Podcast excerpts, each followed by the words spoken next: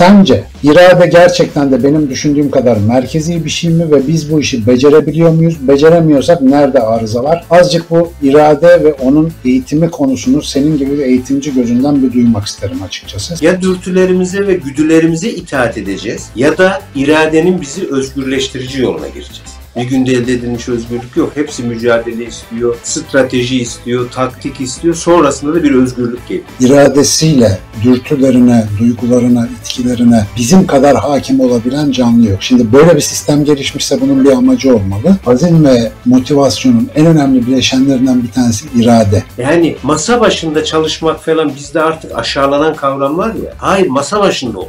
Ve biz irademiz olmayan alanlarla o kadar meşgulüz ki irademiz olan bu anla hiçbir ilişkimiz yok. Okullar ne yapsın, eğitim ne yapsın dersek iyi alışkanlıklar kazandırsın. Ali Hocam ya bugün e, aslında bir başka benim kafama takılan önemli bir mevzu var. Acık onun da ezelim istiyorum ama önce kısa bir açıklama yapmam lazım. Şimdi malum ben bir iyileşme döneminde olduğum için videoları böyle uzaktan çekiyoruz seninle. Fakat tabii bir dedikodu dolaşıyormuş. Sinan Hoca'nın sadece bir tane mi tişörtü var? Niye sürekli Why Not yazılı bir tişört giyiyor falan diye böyle.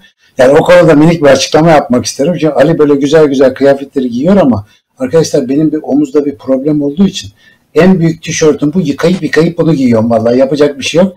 Dolayısıyla genellikle çekimlerde bu benim bu arada e, oğlumdan aldığım bir tişört. Kendisi 3XL ve 4XL giydiği için ancak onun tişörtleri bana öyle oluyor. Dolayısıyla hani ne sponsor aldık ne de tek tişörtümüz. Bu inşallah iyileşince ben de Ali gibi renkli ve daha modaya uygun ben de böylelikle hep aynı yayında olmasın diye üzerime düşen kıyafet değiştirme işini sık sık yapıyorum. Benim de o kadar çok tişörtüm yok. O da yanlış anlaşılmasın. yok yok sen de fena değilsin canım. Şimdi ben senin bağla stili beğeniyorum. Gayet güzel. Buradan şuna bağlayacağım aslında. Yani mesela e, ne kadar çok böyle gömleğim bilmem neyim olsa da insan bazen otomatik pilot hep aynı şeyleri giyiyor. Biliyorsun biz koç burçlarda böyle şeylere meyyaliz yani. Devamlı böyle standart bir stil oluşturup kafanın diğer kısmını kaosa bırakmak. Ama aslında hayatta büyük değişiklikler biraz böyle etrafındaki değişkenleri kollayıp da hesap kitap yapıp iradeni kullanıp şöyle bir takım değişiklikler yapmakla ilgili. Yani e, mesela işte eğitim konuşuyoruz ya seninle ağırlıklı olarak.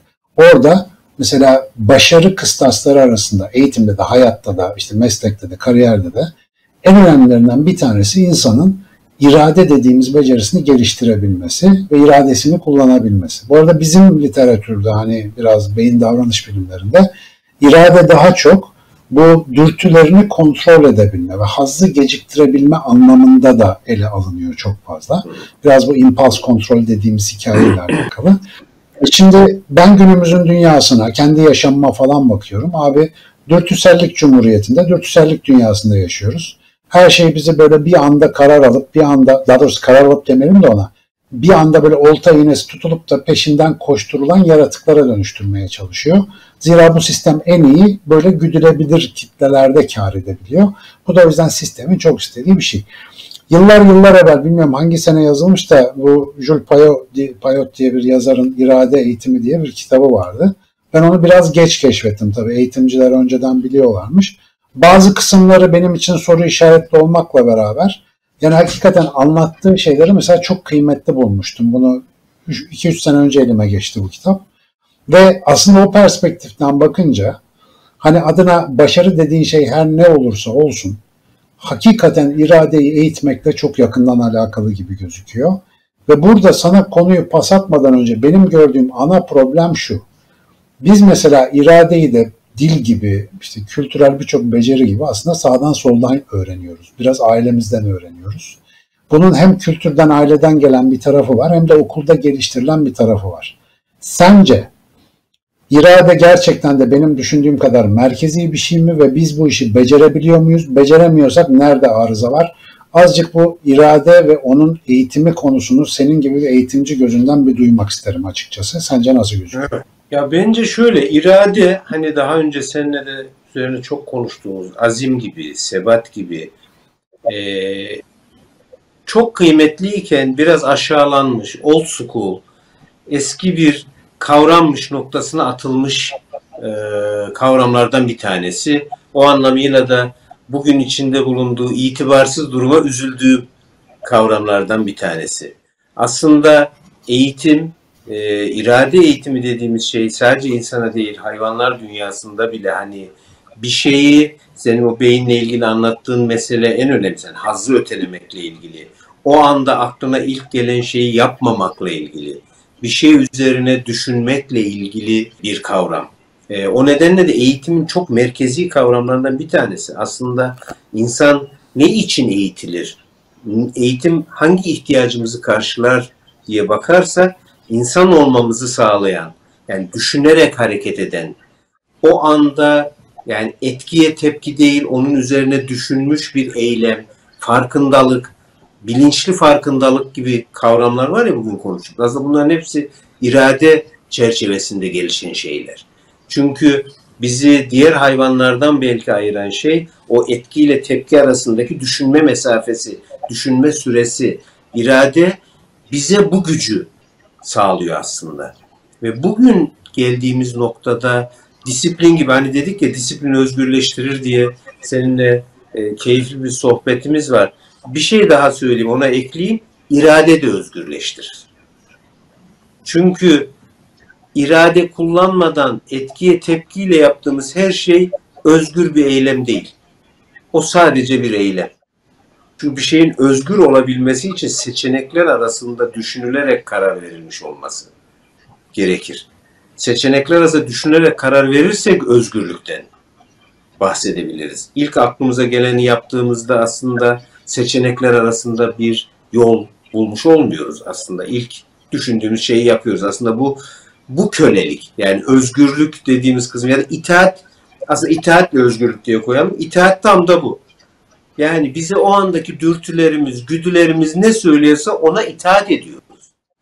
Ya dürtülerimize ve güdülerimize itaat edeceğiz ya da iradenin bizi özgürleştirici yoluna gireceğiz. Ben insana yakışanın iradesini kullanarak özgürleşmesi olduğunu düşünüyorum. Payon'un İrade Eğitimi kitabı o anlamıyla eğitim tarihinin bence en önemli eserlerinden bir tanesidir. Bir şeyin üzerine düşünmek. Mesela Payo orada bir şeyi anlatır ve şunu söyler. Bir şeyin üzerine derinlemesine düşünmek. Bu iradeyle olabilen bir şey. Yani ben şimdi bakıyorum bu e, bugünün o sosyal medyasından bütün iletişim bombardımanının içerisinde bir şeyi öğrenmekle ilgili elde ettiğim hazzın her geçen gün azaldığını düşünüyorum. Çünkü e, o şunu söylemesi, bir masada 5 saat oturmadan yazar olamaz. Bir şey üzerine nitelikli düşünerek, derinlemesine düşünerek günde bir saat geçirebiliyorsan, herhalde bugün olsa herhalde hepimiz filozof oluruz. Bir saat gerçekten derinlemesine düşünerek. Ama bunun yarattığı haz, o bilginin derinliği ya da bu acıyla hani bir şeyleri öteleyerek, etkiye tepkiyle davranmadığımız güdülerimizin e, mahkumu olmadığımız özgürlük zor elde edilen bir özgürlük olduğu için özgürler, özgürlükler kıymetli. Hani insanlığın o özgürlük tarihine baktığınız zaman bir günde elde edilmiş özgürlük var. Bir günde elde edilmiş özgürlük yok. Hepsi mücadele istiyor, strateji istiyor, taktik istiyor. Sonrasında da bir özgürlük geliyor. Bakın bugün kadın hareketlerinden diğer alanlardaki özgürlüklere kadar niye bu kadar sıkı sıkıya sarılıyoruz? Çünkü zor elde edilmiş, mücadele edilmiş özgürlükler onlar. İrade bizim de günlük hayatımızda bizi özgürleştiren alanlarla ilgili bizim zorluk alanımız.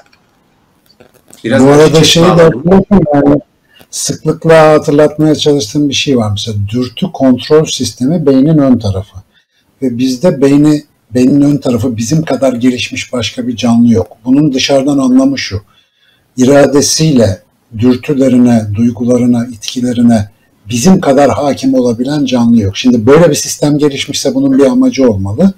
İnsan özellikle ileri düzey ustalaşmasında bir meselenin peşine takılıp yıllarca koşturabilmesinde aslında irade gücüne çok fazla ihtiyaç duyuyor. İşte senin aslında özgürleşme dediğin o. Benim yıllar evvel bir kitapta hangisinde yazdım hatırlamıyorum. Yapmaya çalıştığım böyle bir özgürlük tanımı vardı. Yani insan için özgürlük dürtülerinin aleyhine davranabilme seçeneğini elinde bulundurmaktır. Yani bu seçeneğin varsa, dürtülerin aleyhine davranabiliyorsan ki mesela bugünkü gençlerde en kızdığımız şeylerden bir tanesi o değil mi? Canım istemiyor diyor. Canım ne istiyor diyorsun? Bunu istemiyor. Yani dürtüsel olarak sistem ona diyor ki burası zor, karışık, buraya girme ve ona tabi olmak dışında bir seçeneği olmadığını ishar ediyor. Ve aslında bu konunun aklıma gelmesinin sebebi Ali'cim daha önce şu azim ve motivasyonla ilgili yaptığımız muhabbette tekrar izlediğim zaman onu bir şey fark ettim mesela. Aslında azim ve motivasyonun en önemli bileşenlerinden bir tanesi irade. Belki orada o biraz eksik kalmış. Bunu da biraz üzerine konuşup tamamlayalım diye. Çünkü bir konuda ustalaşacaksın. Diyelim piyano çalacaksın ya da bir dersi neyse işte böyle bir konuyu öğreneceksin. Şimdi bunun olabilmesi için senin zorlayıcı ve kendisinde ödülü olmayan zahmetli bir takım basamakları geçmen gerekiyor. Mesela piyano çalışırken abi ilk şeyler çok sıkıcı. Mık mık mık mık mık mık aynı tuşlara defalarca basıyorsun. Fakat bunları yapabilmen, bunları tekrarlı bir halde yapabilmen için gelecekte bu talimin sana sağlayacağı ustalığı sürekli zihninin bir yerinde tutup aman ben sıkıldım ya da karnım acıktı ya da dışarı çıkalım alemlere akalım tarzı dürtülerini baskı altında tutup o egzersizi yapabilmeni gerektiriyor. Yani uzun süreli çalışmaları kararların arkası ancak sağlam bir iradeyle desteklenirse mümkün oluyormuş gibi görünüyor bana. Dolayısıyla azim de, motivasyon da her neyse kişinin iradesine çok bağlı. Burada zaten disiplin konusunda da biraz konuştuk ama mesela öz disiplin dediğimiz şeyin galiba en önemli parçası bu. Yani bir insanın Kesinlikle iradesini sınayabilecek. Peki eğitimde, ailede tamam bunun yollarını bulabiliriz ya da işte kendi bilebildiğimiz kadar yapabiliriz ama eğitimde daha metodik olarak bunun yolları, yordamları var mı? Bugün bu konuda bir çaba var mı? Biz böyle bir şeyle uğraşıyor muyuz? Bir eğitimci grupla sohbet ederken bir konu geçti. Hani okullar çok da önemli değil dedik ya ebeveynlerle ilgili söyleşimizde. Asıl çocuğun kendisi önemli diye. Orada bir eğitimci dostum çok güzel bir hatırlatma yaptı. Bence Türkiye'de okulun etkisi yüzde 40'tır dedi. Ben dedim ki araştırma onu söylemiyor ama dedi orada önemli bir fark var. Gelişmiş ülkeler derken evdeki disiplinle ilgili kültür okulda da aynen devam ediyor. Bizde bugün evdeki yaşam çocuğun her istediğinin kolaylıkla elde ettiği bir hayat olduğu için irade terbiyesi dediğimiz kısım yok. Okullar da ebeveynin bu kültürüne uygun davranmayı model aldıkları için okul da bunu yapıyor. Eğer bir okul çocuğun iradesini eğitmesi konusunda ona rehberlik edip ona araçlar sunabilirse bir başarıyı elde edebilmek için zorlanması gerektiğini, bir görev aldığında o görevin en iyisini değil olmasa bile elinden gelen en iyisini yapmak zorunda olduğu duygusunu verdiğinde ya da bir saat boyunca masa başı çalışmayı zorunlu kıldığında yani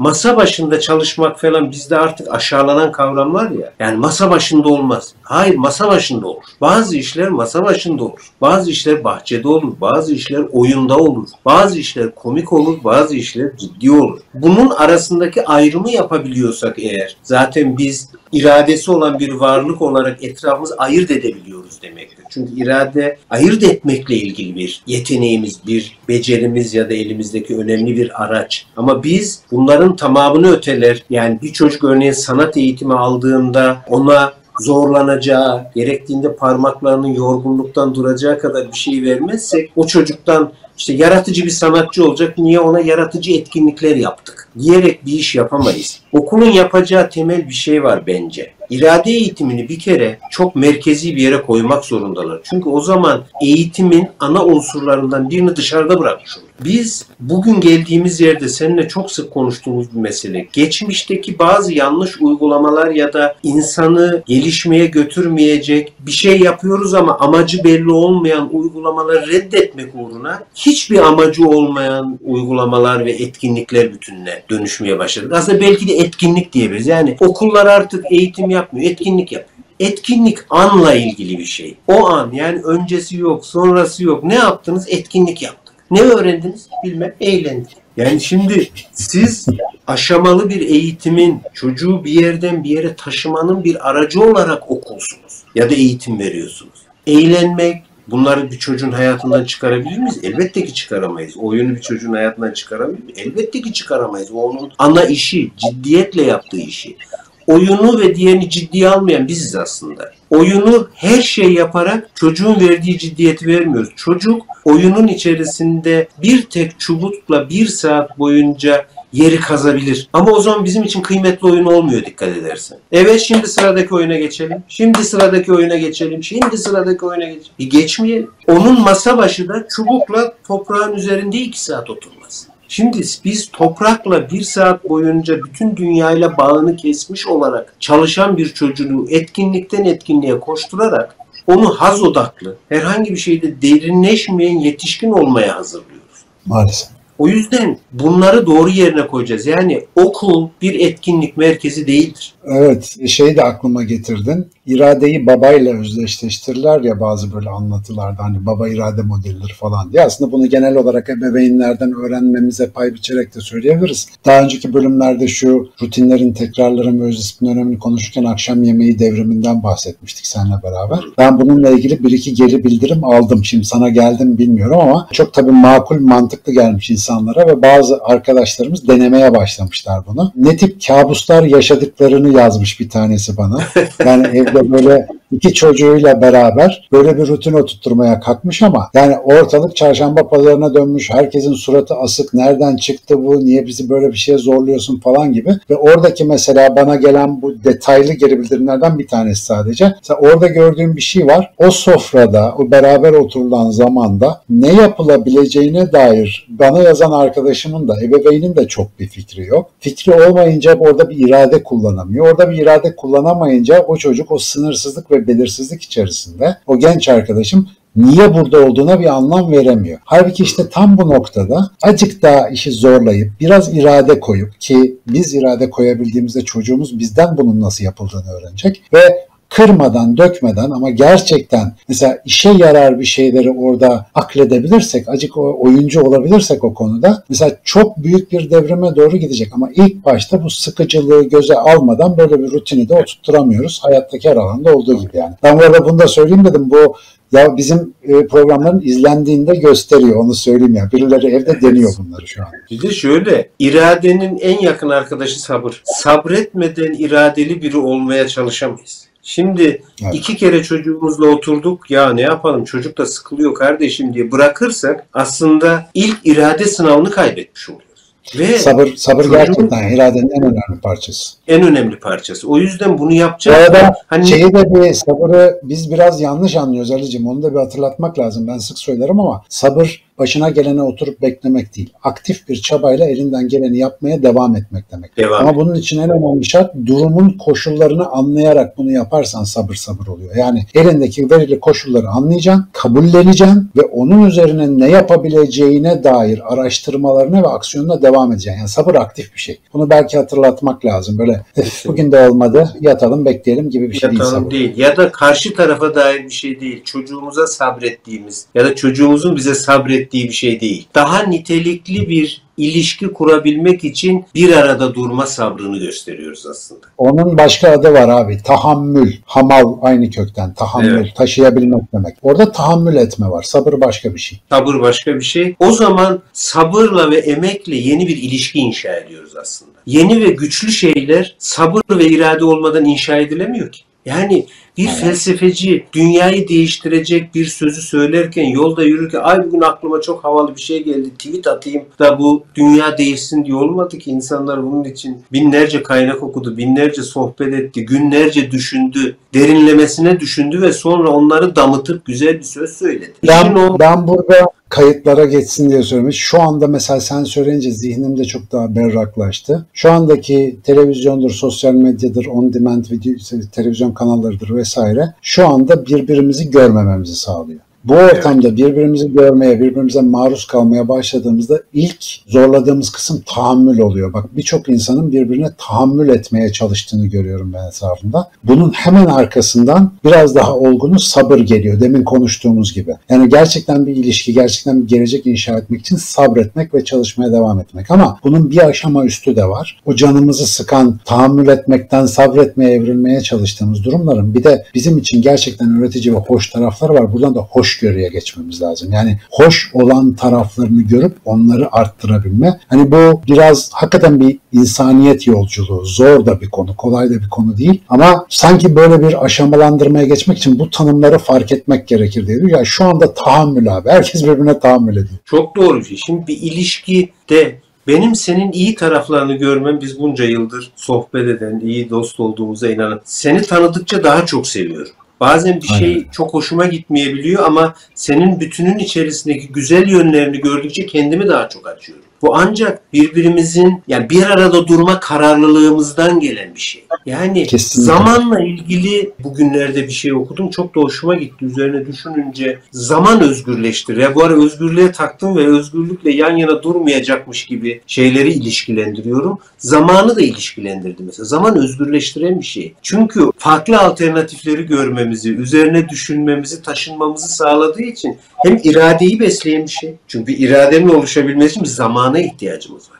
O zamanı yaşayabilmek için bir sabıra ihtiyacımız var. Bunların dengesini bulabilirsek işte o zaman çok daha özgür ilişkiler kurmaya başlıyoruz. Çünkü işte akşam yemeği devrimi dedik ya o devrimin yoldaşları olabilmemiz için masadaki insana birlikte zaman geçirmek zorundayız. Birlikte zaman geçirmezsek, birbirimize şans tanımazsak, birbirimizin başka özelliklerini görmek için dikkat kesilmezsek, çünkü diğer sevdiğim şu, dikkat de özgürleştiriyor. Bak dikkat kesilmek. Çünkü irade bir taraftan dikkat kesilmekle ilgili bir şey. Belli bir alana, belli bir şeye uzun süre dikkat edersek, ona odaklanabilirsek eğer irademizle bir karar veriyoruz. Ve bu akşam yemeği etrafında şekillenecek olan yeni hayat aslında bize bunların hepsini bana göre sunuyor. Yani böyle çok enteresan bir yere getirdim. Yani Şimdi sokakta herkese sorsan desen ki hayatındaki en önemli şey nedir? Herkes en yakınındaki insanları söyleyecek. İşte varsa çoluğu çocuğu, anası babası o en önemlidir diyecek. Sonra peki bunların bu hayatındaki diğer mesai harcadığın şeyler arasında bunlara ne kadar mesai harcıyorsun diye sorsan ya bu zamanın insanı baştaki ben kendimden pay biçeyim. Hiç iyi bir skor alamayacağız yani. Hep böyle ilgimiz bizden daha uzak ve bize göre daha önemsiz olan şeylere vakit harcamakla geçiyor ve bu zaman dediğin şeyi belki de hani böyle bir uygun vadeli hesaba yatırılmış ve işte faizle değer, değer kazanan bir şey para gibi düşünebiliriz. Ne kadar yakınına harcarsan, ne kadar yakınına yatırırsan pozitif getirisini o kadar fazla ve belirgin görüyormuşsun gibi de bir resim uyandı. Bilmiyorum buna katılır mısın? Yani bu